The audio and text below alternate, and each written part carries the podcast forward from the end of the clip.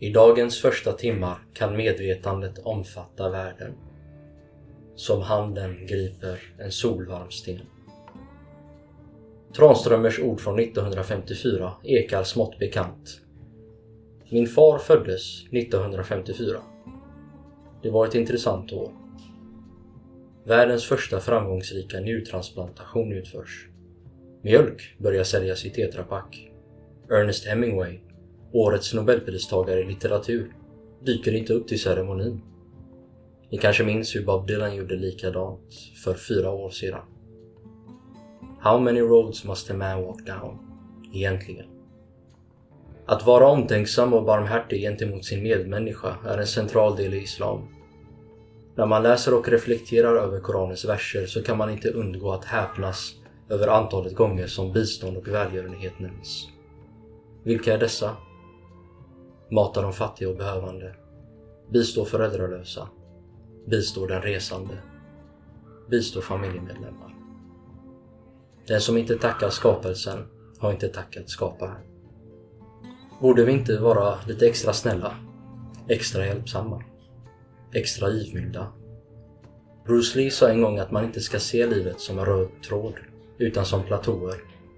Varje gång man höjer sig så finns det en till nivå. Med detta i åtanke så finns det egentligen ingen anledning att skära ner på fina leenden eller hjälpande händer.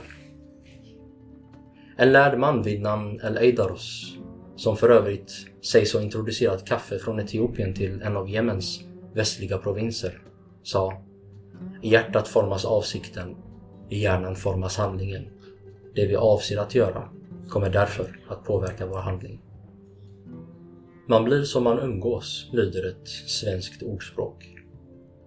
El-Qassar sa att om din vän begår ett misstag, hitta 90 ursäkter för hans beteende. Om du inte lyckas hitta dessa så är det du som är problemet. När vi väl funnit ett gott sällskap så är det lika viktigt att upprätthålla och stärka vänskapen. För detta så kan den troende finna inspiration i ens relation med sin skapare. Vi har ju garanterat inte honom glada hela tiden, eller hur? Men ändå finns han där för en och man kan söka förlåtelse. Likaså behöver en troende ha överseende med en del fel och okorrekta handlingar från personen i sin omgivning. Du får vad du avsett att söka. Dagens reflektion sker i stadsbiblioteket. En plats som ofta besöktes under barndomen. Mellan manga-serier och Alfons Åberg kunde man hitta det svenska kulturarvet. Karin Boye. Härdarna. I rörelse. Den mätta dagen, den är aldrig störst. Den bästa dagen är en dag av törst.